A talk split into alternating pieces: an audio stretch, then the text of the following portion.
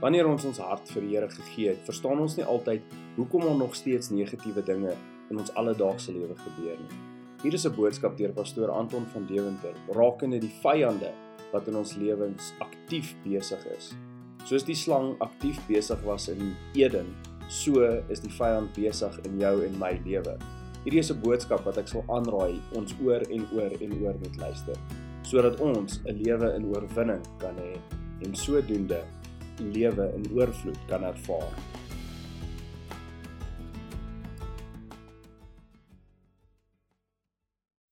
Daar's eintlik 'n baie diep boodskap in elkeen van hulle vervat en baie groot waarhede.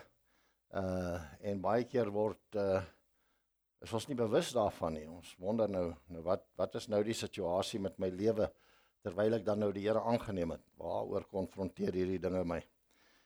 Daar in Deuteronomium 7 vanaf vers 1 sê hy: As die Here jou God inbring in die land waarheen jy gaan om dit in besit te neem en hy baie nasies voor jou uitverjaag, die Hittite, dis nou in die land, die Girgasiete, die Amorite, Kanaaniete, Feresiete, Hewite, al die Ites en die Jebusiete, sewe nasies meer en magtiger as jy, sterker as jy.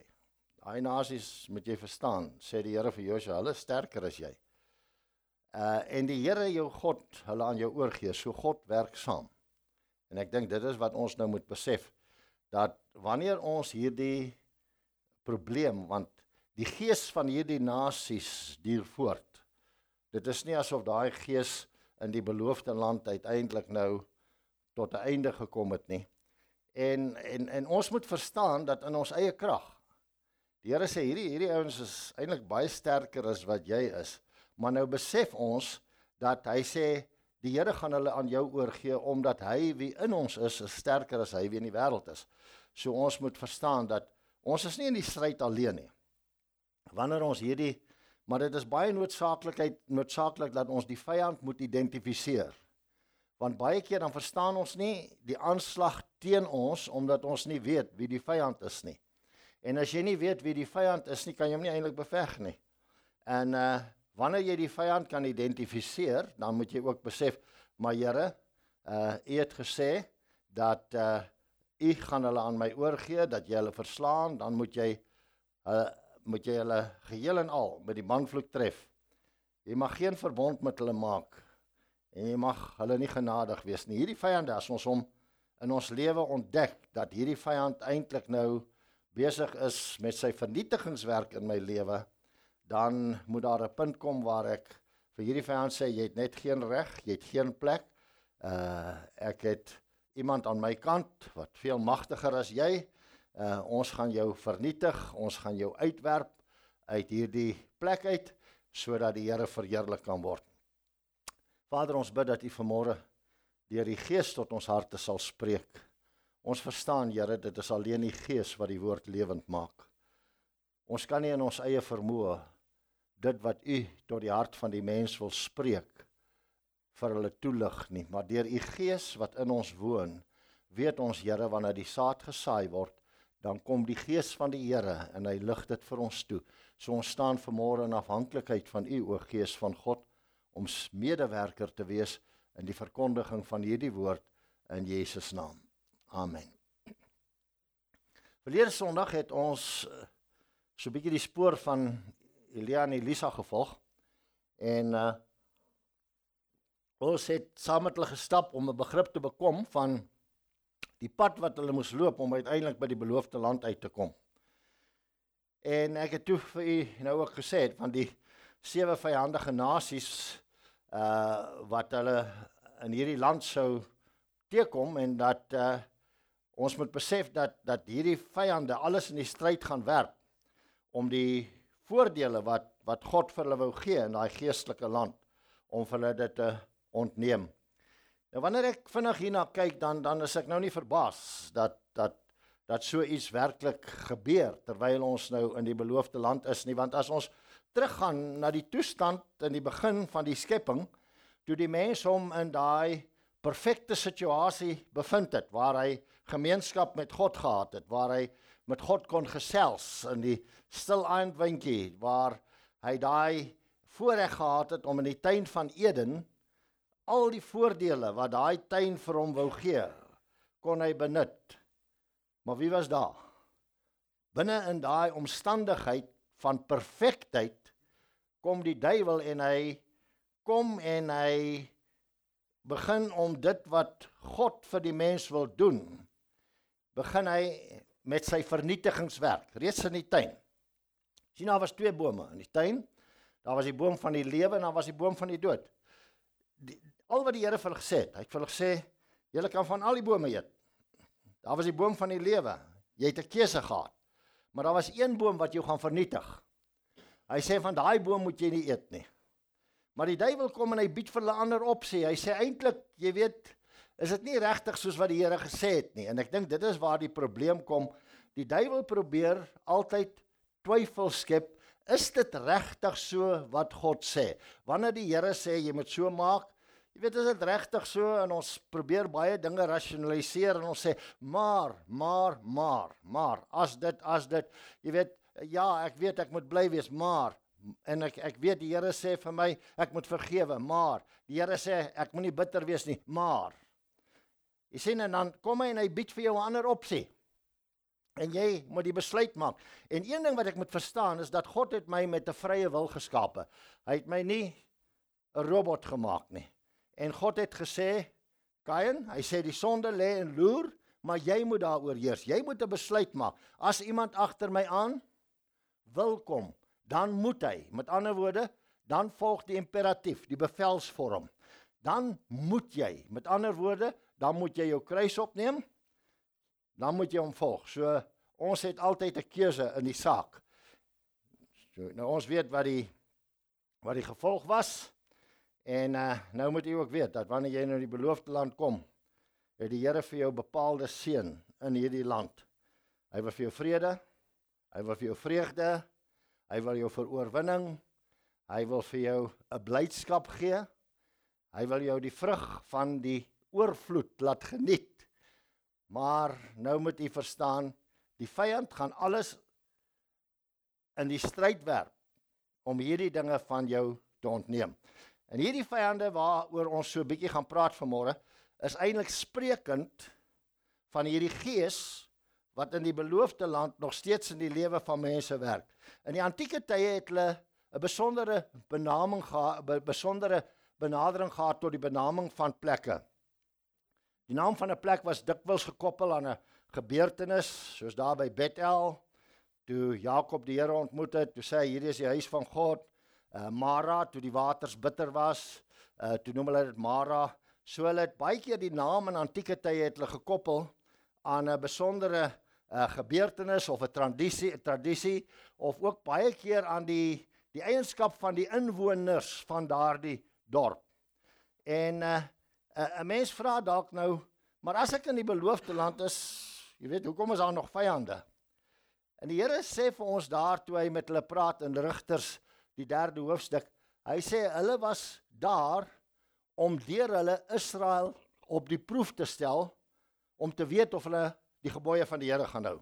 So dit gaan afhang hierdie vyande is daar om jou eintlik op die proef te stel om te sien of jy jou gaan onderwerp aan dit wat God sê en of jy hierdie saak gaan hanteer soos wat die Here wil en of jy maar net moedeloos gaan terugsit en gaan toelaat dat die vyand jou God gee ons geestelike wapens. En ons moet verstaan dat ook wanneer hy in Efesiërs praat, hy sê trek die volle wapenrusting van wie? Van God aan. Met ander woorde, dis nie jou wapenrusting, dis God se wapenrusting. Jy moet daai wapenrusting aantrek. As jy daai wapenrusting nie aantrek nie, God stel dit tot jou beskikking en daai wapenrusting, omdat dit God se wapenrusting is, is dit kragtig. En hy sê ook dan dat God raak betrokke wanneer hy in hierdie stryd betrokke raak. Hy sê ons wapens van ons stryd is nie vleeslik nie. So jy beklei nie van jou fisiese vermoëns nie, uit jou fisiese vermoë nie. Hy sê maar hierdie wapens wat God my gee is kragtig. Hy sê dis kragtige wapens en hy gee hierdie wapens kan vestings neerwerp. Baie keer dan rig die duiwel 'n vesting in jou lewe op. Maar as jy die wapen van God gebruik, is dit 'n kragtige wapen om daai vestings neer te werp en terwyl ons die planne verbreek en elke skans wat opgewerp word teen die kennis van God en elke gedagte gevange neem. Partykeer is daar negatiewe gedagtes. Partykeer verstaan ons nie, maar die gedagtes wat teen die uitsprake van God se woord is, moet ek besef dat daai uitspraak, daai gedagte wat kom. Baie keer wonder ek waar kom die gedagte vandaan, maar dis mos nie hoe ek wil dink nie. Wanneer jy op die oomblik besef dis nie hoe jy moet dink nie, dan moet jy weet dis 'n aanval van die duiwel. Dan moet jy daai gedagte gevange neem. Omdat God jou die wapen gegee het om daai gedagte te gevange te neem en vir die duiwel te sê jy vat dan daai gedagte en wat sê hy? Jy dwing hom tot gehoorsaamheid aan die kennis van Christus. So dit wat jy weet uit die Bybel uit, dit wat God vir jou geleer het, die gedagte wat by jou opkom, neem jy gevange en jy sê vir daai gedagte, jy sal gehoorsaam wees aan wat God se woord sê. Dit is hoe ons in die stryd betrokke raak. Nou moet ons gou by die vyande uitkom. Daar's sewe van hulle. Gees van die Hittite, die woord beteken eintlik seuns van terreur. En om te verstaan en die waarheid hiervan te begryp, moet ek besef dat Jesus sê in sy woord uitgekom dat ons lewe in oorvloed kan hê. Hy wil hê ons moet soos wat ek gesê het, oorvloed van vrede en blydskap en vreugde en die vrugte van die beloofde land kan eet. Maar hierdie gees wil dit saboteer. Want die Here sê vir my in sy woord, die blydskap van die Here is vir my 'n beskutting. En wanneer die beskutting van my blydskap vernietig kan word, dan het die duiwel toegang en wat maak hy as die beskerming weg is dan val hy my aan deur vrese. Hy val my aan deur verwarring, hy val my aan deur moedeloosheid.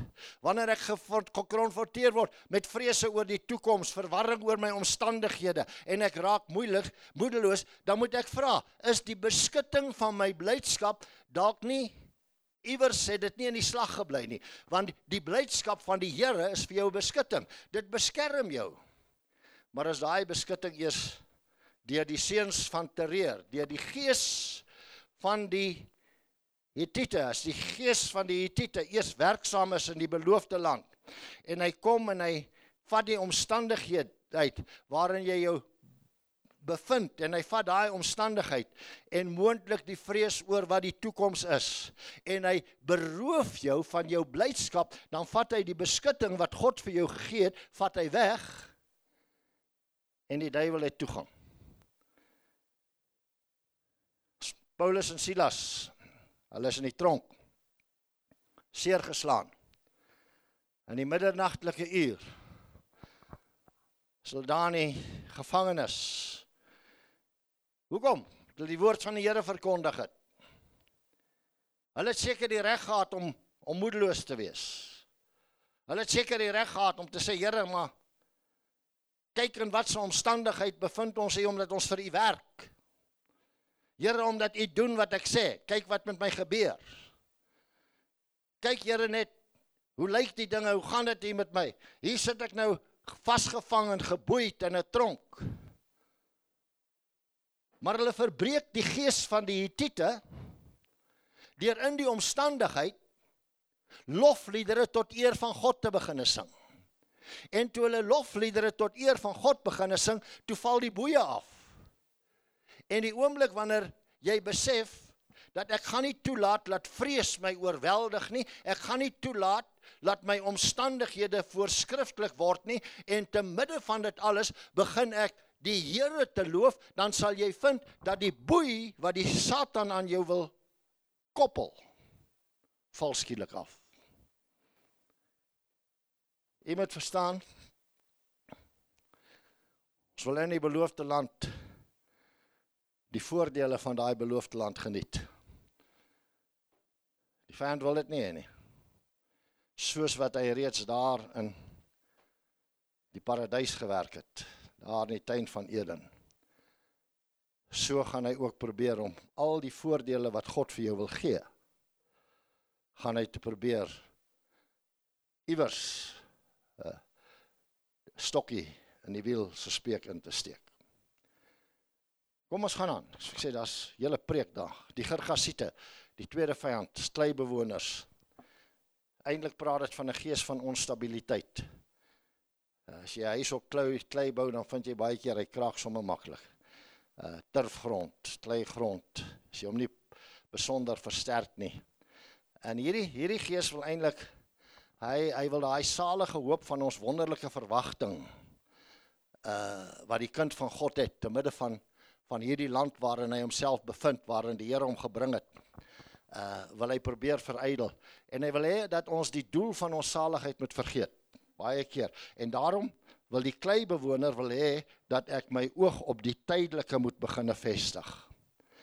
En daai hoop waarvan ons gesing het hope that rises out of the ashes. Hy wil hê ek moet daai hoop ek moet dit nie gedurig voor oë hou nie. Petrus sê geseënd is die God en Vader Petrus 1 van ons Here Jesus Christus wat ons na sy groote barmhartigheid die wedergeboorte geskenk het. Hy sê maar hy het my hierdie wedergeboorte geskenk tot 'n lewende hoop. Daar's 'n hoop in my deur die opstanding en hoe weet ek hierdie hoop is waar want Jesus het opgestaan uit die uit die dode. Daar's daar's geen ander manier nie. Ek luister nou die dag sê iemand toe iemand hom vra maar maar hoekom jy weet uh uh aanbid hy Jesus. Toe sê hy kom ons sê daar's een pad. Daar's een pad wat jy loop en dan kom jy nou onder by daai pad na 'n vurk. En jy moet nou kies. Watter kant gaan jy? En aan hierdie kant se pad lê 'n dooie man. En aan hierdie kant se pad is iemand lewendig. Hy sê watter pad gaan jy vat? Hy sê wel ek gaan die lewendige pad. Mohammed is dood, Boeddha is dood.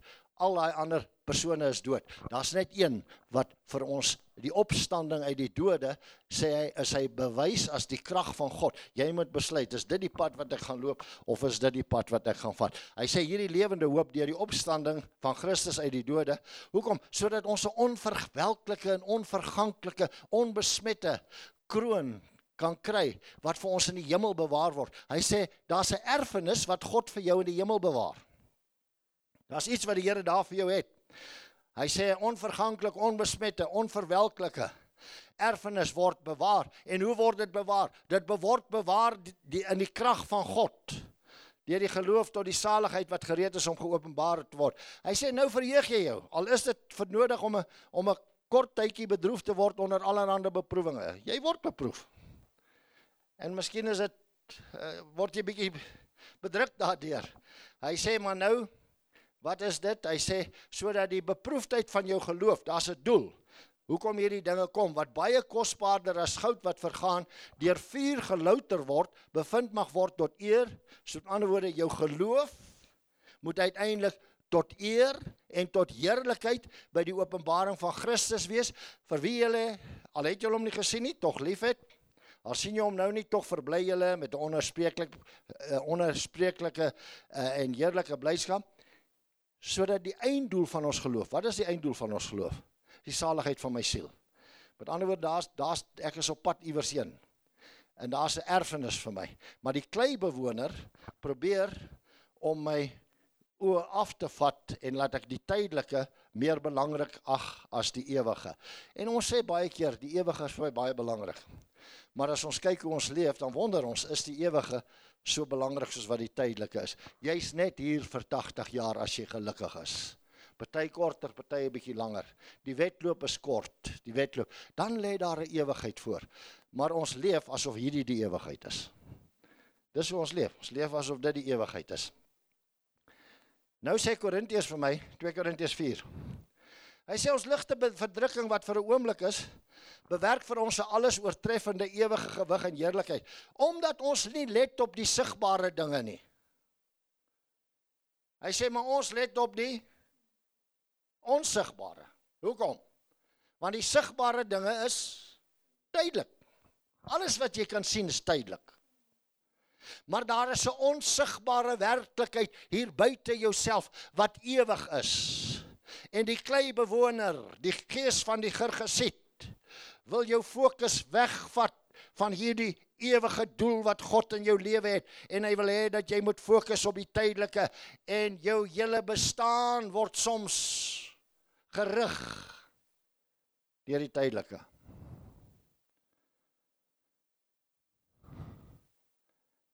Die volgende hoofstuk, die eerste vers. Hy sê ons weet. Ek weet, my aardse tentwoning afgebreek word, dan het ek 'n gebou van God. Dan is ek nie meer 'n ek's nie meer 'n nomaat wat in 'n tent bly nie. Ek's nie meer 'n pelgrim nie. Hy sê wanneer hierdie tent afgebreek word, ek bly maar net in hierdie tent. Dis nie ek nie. Wat jy hier sien is maar net die uiterlike. Dis die sigbare. Maar hier binne in my is die onsigbare werklikheid van 'n lewe wat God vir my gegee het. En wanneer hierdie sigbare verdwyn, dan kom die onsigbare, die saad ontkiem in die heerlikheid van dit wat God vir my ges, daar gestel het word tentoongestel. En wanneer hierdie sigbare afgebreek word, dan het ek 'n gebou van God. Nie 'n tent nie. Nie 'n tydelike bestaan nie. Wat ewig is in die hemele. Nie met hande gemaak nie. Maar wanneer ons vasgevang is in hierdie klei bestaan, en my geluk deur my omstandighede bepaal word, dan kan ek nie, dan gaan ek baie moeilik saam met Habakuk kan sê. Wat sê Habakuk? Daar in die 3de hoofstuk.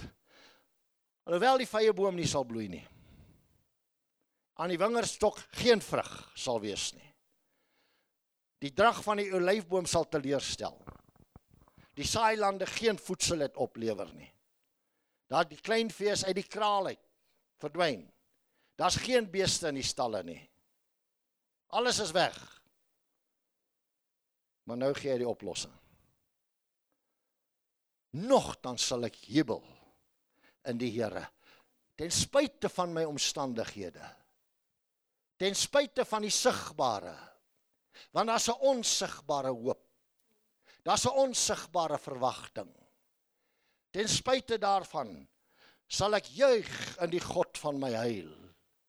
Ek gaan nie laat hierdie sigbare omstandighede van negatiewe dinge wat my pad langs gekom het, die beeste wat weg is, die olyfboom, die wingerde wat teleurstel, die saailande, nogtans En wanneer ek begin jubel in die God van my heil, dan verklaar ek die Here is my sterkte. Hy maak my voete soos die van herte. Hy laat my tree op my hoogtes. Hierdie omstandighede, ek sal triomfeer daaroor, want die Here is my sterkte. Moenie laat die gees van die Gergasiet die wonderlike voordeel van die beloofde land vir jou ontneem nie. Dis nou twee vyande. Ek weet nie hoe lank het ek gepreek oor die twee nie. Daar's nou nog so 5 oor. Uh Gees van die Amorite. Amorit soekers van eie eer. Wat dit beteken en dan die in die proses dan soek hy sy eie belang en hy saai onmin. Hy bedreig die vrug van vrede. Dis die Amoriet waar daar vrede is. Hoekom? Want waar daar die liefde is, gebied God sy seën. Waar daar vrede is, gebied God sy seën. En die gees van die Amoriet werk nie net in die wêreld nie, hy werk baie keer in die kerk. En die voordeel wat jy kan kry deur jou samesyn en deur die gemeenskap en deur die opbouing wat jy kan in die kerk aanvaar. Die gees van die Amoriet kom en hy wil dit wil hy afkrak. En baie keer is dit omdat mense hulle eie belang soek. Dit gaan oor hulle, gaan nie oor oor wat vir die liggaam tot voordeel is nie. En wanneer jy in die liggaam funksioneer, dan is dit altyd oor die liggaam. Dit gaan nie oor jou nie. Jy soek nie jou eie belang nie. Hy sê in die liggaam moet ek uitmunt tot stigting van die liggaam. Wat ek hier doen met die liggaam stig. As dit die liggaam nie stig nie, moet ek dit nie doen nie. Ah, ek moet myself afvra as ek nou hier op en af hardloop in die gangetjie, gaan die liggaam gestig word. As jy net jouself stig, dan moet jy dit nie doen nie. Hy sê uh baie keer is dit nie dinge wat verkeerd noodwendig is nie, maar omdat dit in die liggaam nie oor myself gaan nie. Dit gaan oor die liggaam. Hy sê moet ek uitmunt tot stigting van die liggaam. Ek moet die liggaam probeer opbou. Maar baie mense, as hy nie sy sin kry nie, dan raak hy kwaad en dan begin hy onmin saai. Dis die gees van hierdie vyand wat die voordeel wat ek kan geniet probeer hy dan nou uiteindelik vernietig. 'n Baie klassieke voorgevaar verhaal in die proses is toe Miriam en Aaron uh se benadering baie duidelik uit 'n posisie van afguns en trots was. Hulle teen Moses opgestaan toe Moses nou 'n Kusitiese vrou geneem het. En luister wat sê hulle en uh, hulle het gesê, "Het die Here dan maar alleen met Moses gepraat? Praat die Here dan nou net met jou?" Huh? Dink jy die Here kan net met jou praat? En nie ook met ons gepraat nie. Sien so nou wil hulle hulle self 'n bietjie verhef. Moses het iets gedoen, maar nou kom hulle nie uit 'n posisie van liefde en praat met hom nie. Hulle kom uit 'n posisie van afguns en die soek van eie eer. Sê, Here nou met praat die Here nou net met jou. Maar Moses sê die Bybel was baie sagmoedig. Meer as al die mense op die aardbodem. Dit was Moses. Die Bybel sê hy was meer sagmoedig as al die mense op die aarde. Ons niemand meer sagmoedig. En hulle het en toe die Here dadelik met Moses en Aaron en Miriam gespreek. Julle drie. Sy kom uit na die tent van samekoms. En hulle drie het uitgekom. En die Here het 'n wolk in 'n wolkkolom neergedaal en by die ingang van die tent gaan staan. Daarna het hy Aaron en Miriam geroep en hulle twee het uitgekom. Toe sê hy: "Hoor tog my woorde. As jy 'n profeet van die Here is, sal ek deur 'n gesig my aan hom bekend maak. Deur 'n droom sal ek met hom spreek. As jy 'n profeet is, moenie jouself verhoog nie. As die Here nie met jou praat nie, moenie jy kom en maak asof die Here met jou praat nie. Mond tot mond het ek met Moses gepraat. So so is dit nie met my knegg Moses nie. In my hele huis is hy getrou. Mond tot mond spreek ek met hom. Ek praat met hom en deur aanskouing en nie deur duister woorde nie. Hy verstaan wat ek vir hom sê. En hy sien die verskyning van die Here. Waarom het julle dan nie gevrees teen my knegg om teen my knegg Moses? Hoekom doen jy dit? Verstaan jy nie dat God met hierdie man praat, dat hy by hom is? Hoe is dit dat jy nou teen hom opstaan? En die toorn van die Here teen hulle ontvlam en hy het weggegaan en die wolk het van die tent al weggeraak. En wat het gebeur? En kyk. Miriam was melaats so sneeu, wit so sneeu. Dit tref die Here haar omdat sy toegelaat het dat die gees van die Amoriet van haar besit neem. Dis 'n perverse gees wat onwindel saai. Omdat hy weet dat jy versigtig moet wees wat jy sê. En die oplossing vir hierdie gees is om saam met die psalmdigter te bid. Here, laat die woorde van my mond en die oordeenking van my hart vir u welbehaaglik wees. Moenie dat ek toelaat dat hierdie gees onmin bewerk en die vrede wat God deur sy gees wil bewerk dat ek die instrument is wat deur hom gebruik word nie. Laat Here die woorde van my mond. Sit te wag voor jou mond. Laat die woorde van my mond wat ek sê, Here, laat dit vir U welbehaaglik wees. En die oordeenking van my hart, Here, mag dit vir U welbehaaglik wees want U is my rots en my verlosser. Interessant, daar's 'n verhaal van die Gibeoniete wat uh daar eintlik in 'n verbond was en uiteindelik toe met Moses teëgestaan het en op 'n slinkse manier het hulle geweet dat uh, Joshua hulle gaan wen en toe kom sluit hulle op 'n slinkse manier 'n verbond. Hulle het gemaak asof hulle in verland kom sakke wat nie meer brood het nie. En toe hulle uiteindelik deur die vyand aangeval word moes omdat daar 'n verbond tussen hulle en die Israeliete was moes die Israeliete hulle beskerm. En baie keer in die huis van die Here moet ons mekaar eerder beskerm as mekaar af te krak. Maar ek gaan nie nou daaroor so ek sê daar baie van die goeie te preek op sy eie. Dan is daar die gees van die Kaniete. Kanaan. Smokkelaars, smouse. Wie was hulle? Hulle was afstammelinge van van die seuns van Gam. Nou Gam was die een wat deur Noag vervloek was. Toe Abraham op 75 jarige ouderdom daaruit daaraan vertrek het en hy daar by die terpentynboom van môre kom en die Here met hom daar ontmoet het. Die Here het 'n belofte van God ontvang dat God hom hierdie land gaan gee. En die eerste ding toe God met hom praat is toe bou hy 'n altaar. En jy moet verstaan in die beloofde land moet daar altyd maar 'n altaar wees waar jy die Here kan aanbid. Altaar in jou eie lewe, moet jy weet, elke belofte wat ek ontvang van God, moet ek uit dankbaarheid uh, moet ek eer aan die Here bring. En uh die onderwerp van hierdie smokkelaars en smouse, dit handel in baie groot mate oor die vermoë wat besittings geld het om jou te bedrieg binne in die beloofde land. Uh en dit is 'n onderwerp wat ek nou nie baie keer in my bediening baie keer oor gepreek het nie. Want wanneer jy oor geld preek dan is die mense altyd, "O, jong, hierdie hierdie kerk gaan net oor geld," jy weet. En uh in steede dat hulle luister wat die woord van die Here, ja, Dit gaan ons nou net oor geld. En dit is gaan nie daaroor nie. Julle sal verbaas wees om te weet dat 11 van Jesus se 39 gelykenisse praat hy oor besittings en geld. 11. 11 van daai.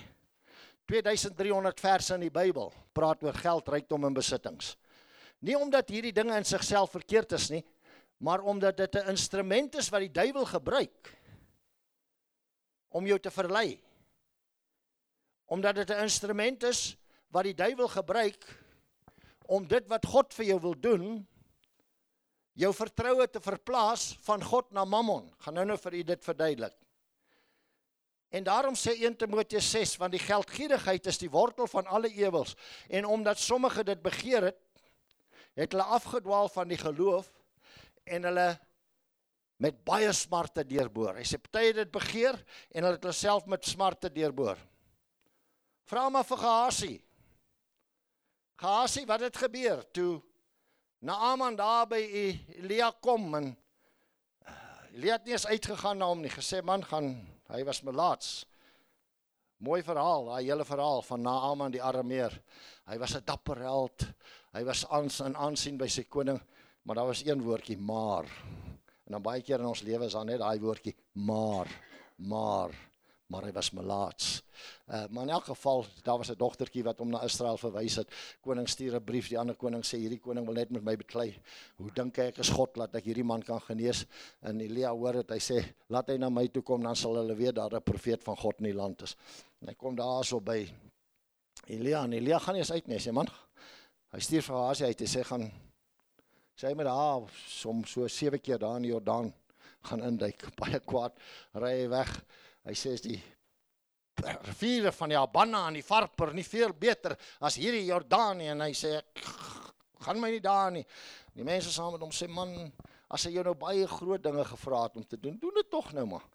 Toe hy nou induik, toe uh uitkom sy melaatsheid weg die sewende keer, soos die profeet gesê het. Nou wil hy die profeet groot geskenke gee. Hy klere gebring, hy het talente, hy silwer gebring. Die profeet sê Man, ek soek nie jou geld nie. Ek wil dit nie hê nie en hy stuur hom weg. Magasi sê kyk nou wat doen my meester. Hier kan ons 'n bietjie geld kry. Hier is 'n goeie idee. En toe daai Naaman sy uh, reisgeselskap al 'n hele ent weg is toe hardloop hy agter hom aan. En Naaman sien hom en hy klim van die wa en hy sê daar's 'n probleem. Nee, sê hy sê daar het nou by ons twee profete seuns aangekom. En uh uh dit sal goed wees as ons vir hulle elkeen 'n bietjie stel klere kan gee. As jy nou net my meester voel ons moet nou maar vir hierdie profete seuns moet ons onderneem ons moet vir hulle stel klere gee en ons moet vir hulle dalk 'n talent silwer gee. Baie tevrede, ek meen want hy is nou genees. Gee hy dit. Gehasie gaan terug en toe daar by Elia kom sê nee, van waar Gasie? Mos nou al daai woord gehoor van waar Gasie? Waar kom jy vandaan? Het my gees nie saam met jou gestap toe daar by die wa en die uiteinde van hierdie gierigheid is dat Gasie kry toe die melaatsheid van 'n Aman Hy het homself met smarte deurboor as gevolg van die wortel van alle ewels. Vra vir Agan toe hy van die bangoed onder sy tent gaan wegsteek het en die Israel teen Ai verloor het. Toe hy en sy hele familie uitgewis. Vra vir Saul wat die koningskap verloor het. Toe God gesê het tref hulle met die bandvloek. Toe besluit hy nee en toe hy sê kom Samuel by hom hy sê wat se geblær is dit van klein vee en gebulk van beeste. Hy sê die manskappe het die beste vir God gebring om te offer. Hy sê maar God het nie dit gesê nie. Hy het gesê vernietig en Saul se koningskap. Hy het hom met smerte deurboor as gevolg van die wortel van alle ewels. Vra maar vir Judas. Vir 30 stukke silwer is hy bereid. Die prys van 'n slaaf. Is hy bereid om Jesus te verkoop? En wat is hy uiteinde? Hy hang homself. Ananias en Safira. Hulle kom daar voor Petrus hulle. Hier is die geld van die eiendomme wat ons verkoop het. Alles. En ons bring dit nou vir die kerk. Hy sê die geld teen julle behoort nie. Hy sê hoekom kom julle dan nou met 'n slinkse manier? Die wortel van alle kwaad, geldgierigheid, het veroorsaak dat hulle kom leuns vertel. En hy sê die voete van hulle wag daar by die deur. Eers is Ananias en daarna Safira, hulle dood met smarte deurboor.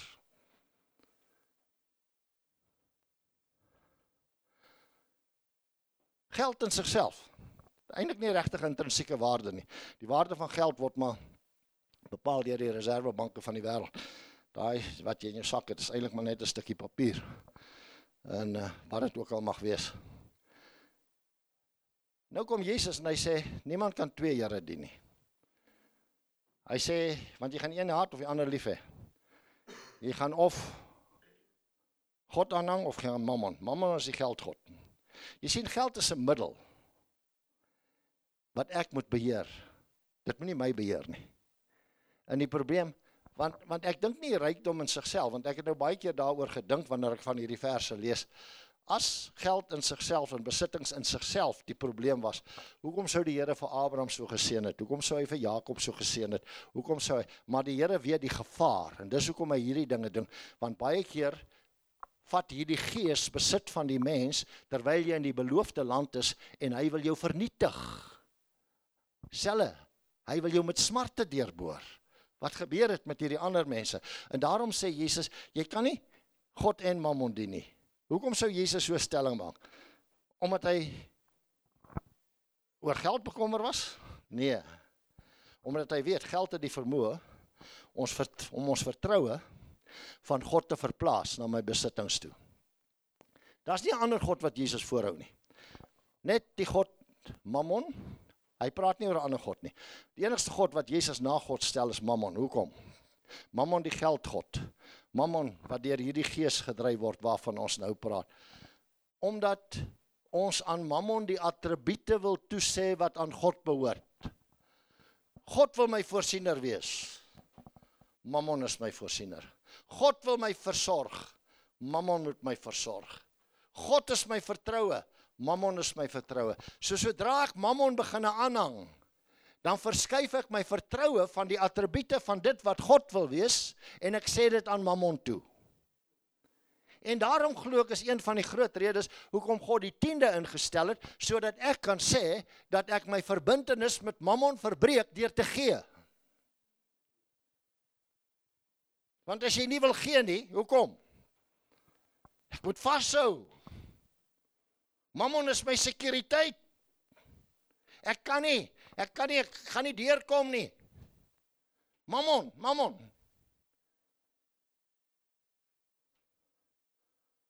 Maar wanneer ek gee, dan sê ek God is my vertroue. God is my sekuriteit. God is die een wat sal voorsien.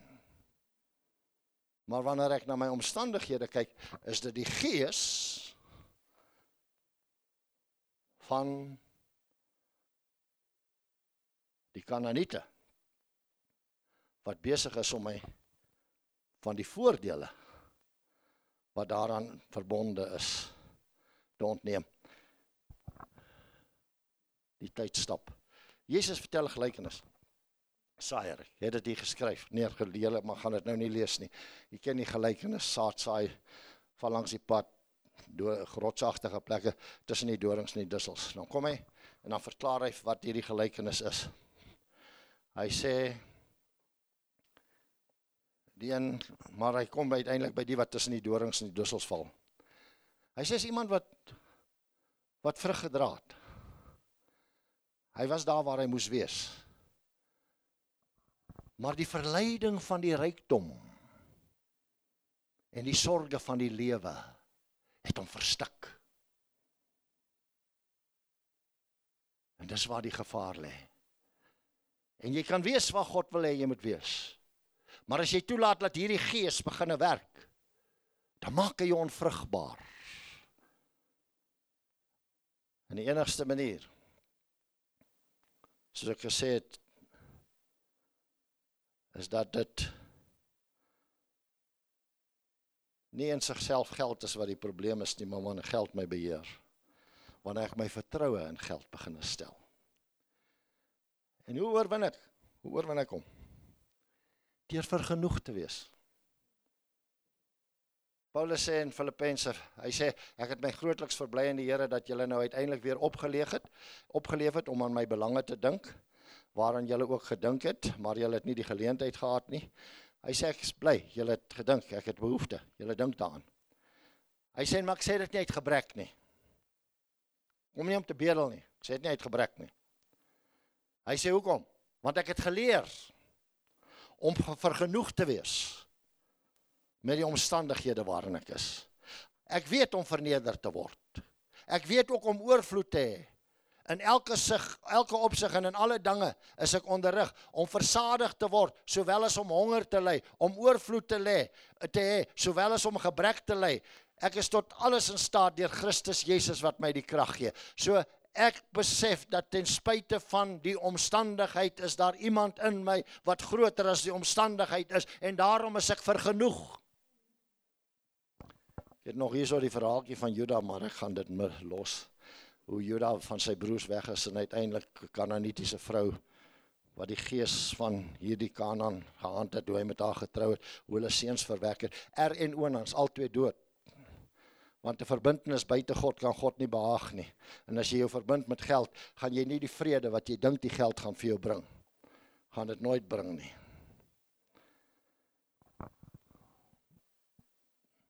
Ek kyk na die tyd, kwart oor. Daar's nog 5 6 en 7. Miskien moet ek hulle net noem, dan kan Marcel hulle op 'n stadium verder vat met julle. Die gees van die Farisiete.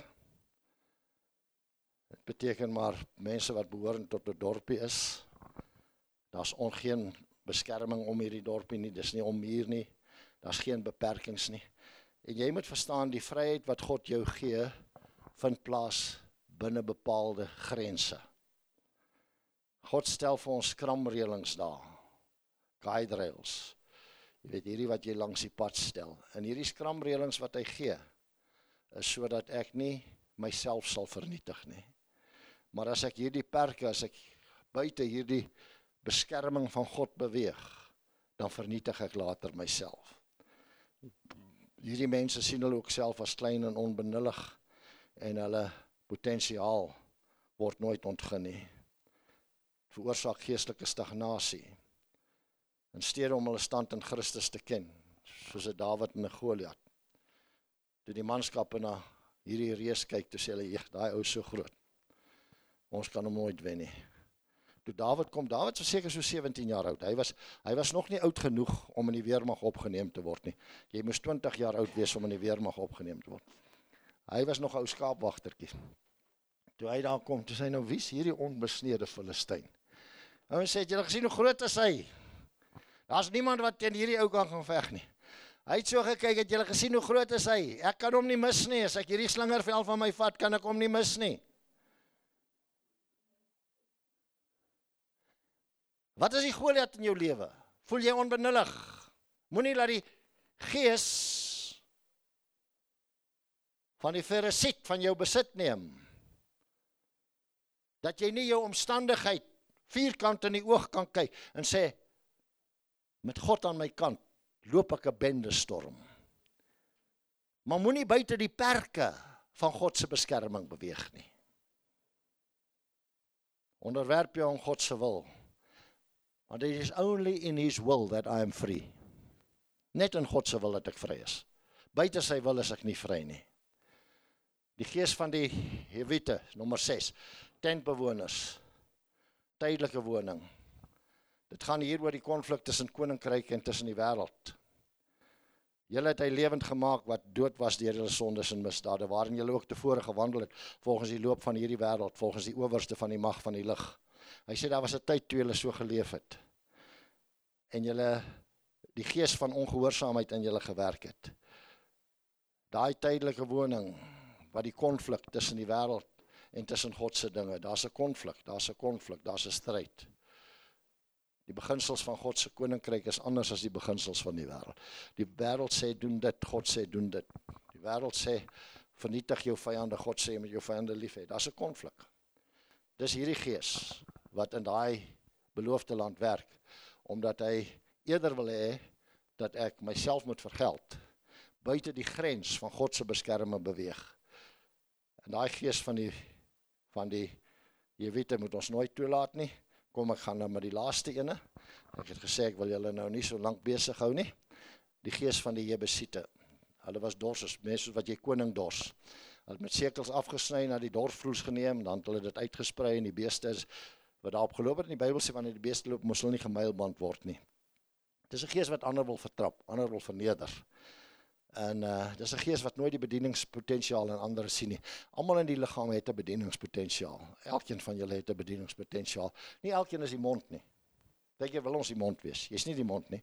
God sit mense in die liggaam soos hy wil. Soos hy wil. Maar ek moet jou bedieningspotensiaal erken en ek met daai bedieningspotensiaal van jou moet ek kan probeer oplig. Ek moenie toelaat laat jaloesie of afguns die gees van die jabusite in my werk om jou nooit die geleentheid te gee om jou potensiaal te bereik nie. En uh jy sien toe Petrus en Johannes moet nou nie bly wees nie. As ek hier toe maak nie. Dit beteken nie veel nie. Dit beteken nou gaan ek begin.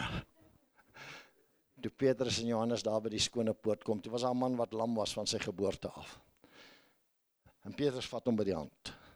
En baie keer is daar mense wat geestelik lam is.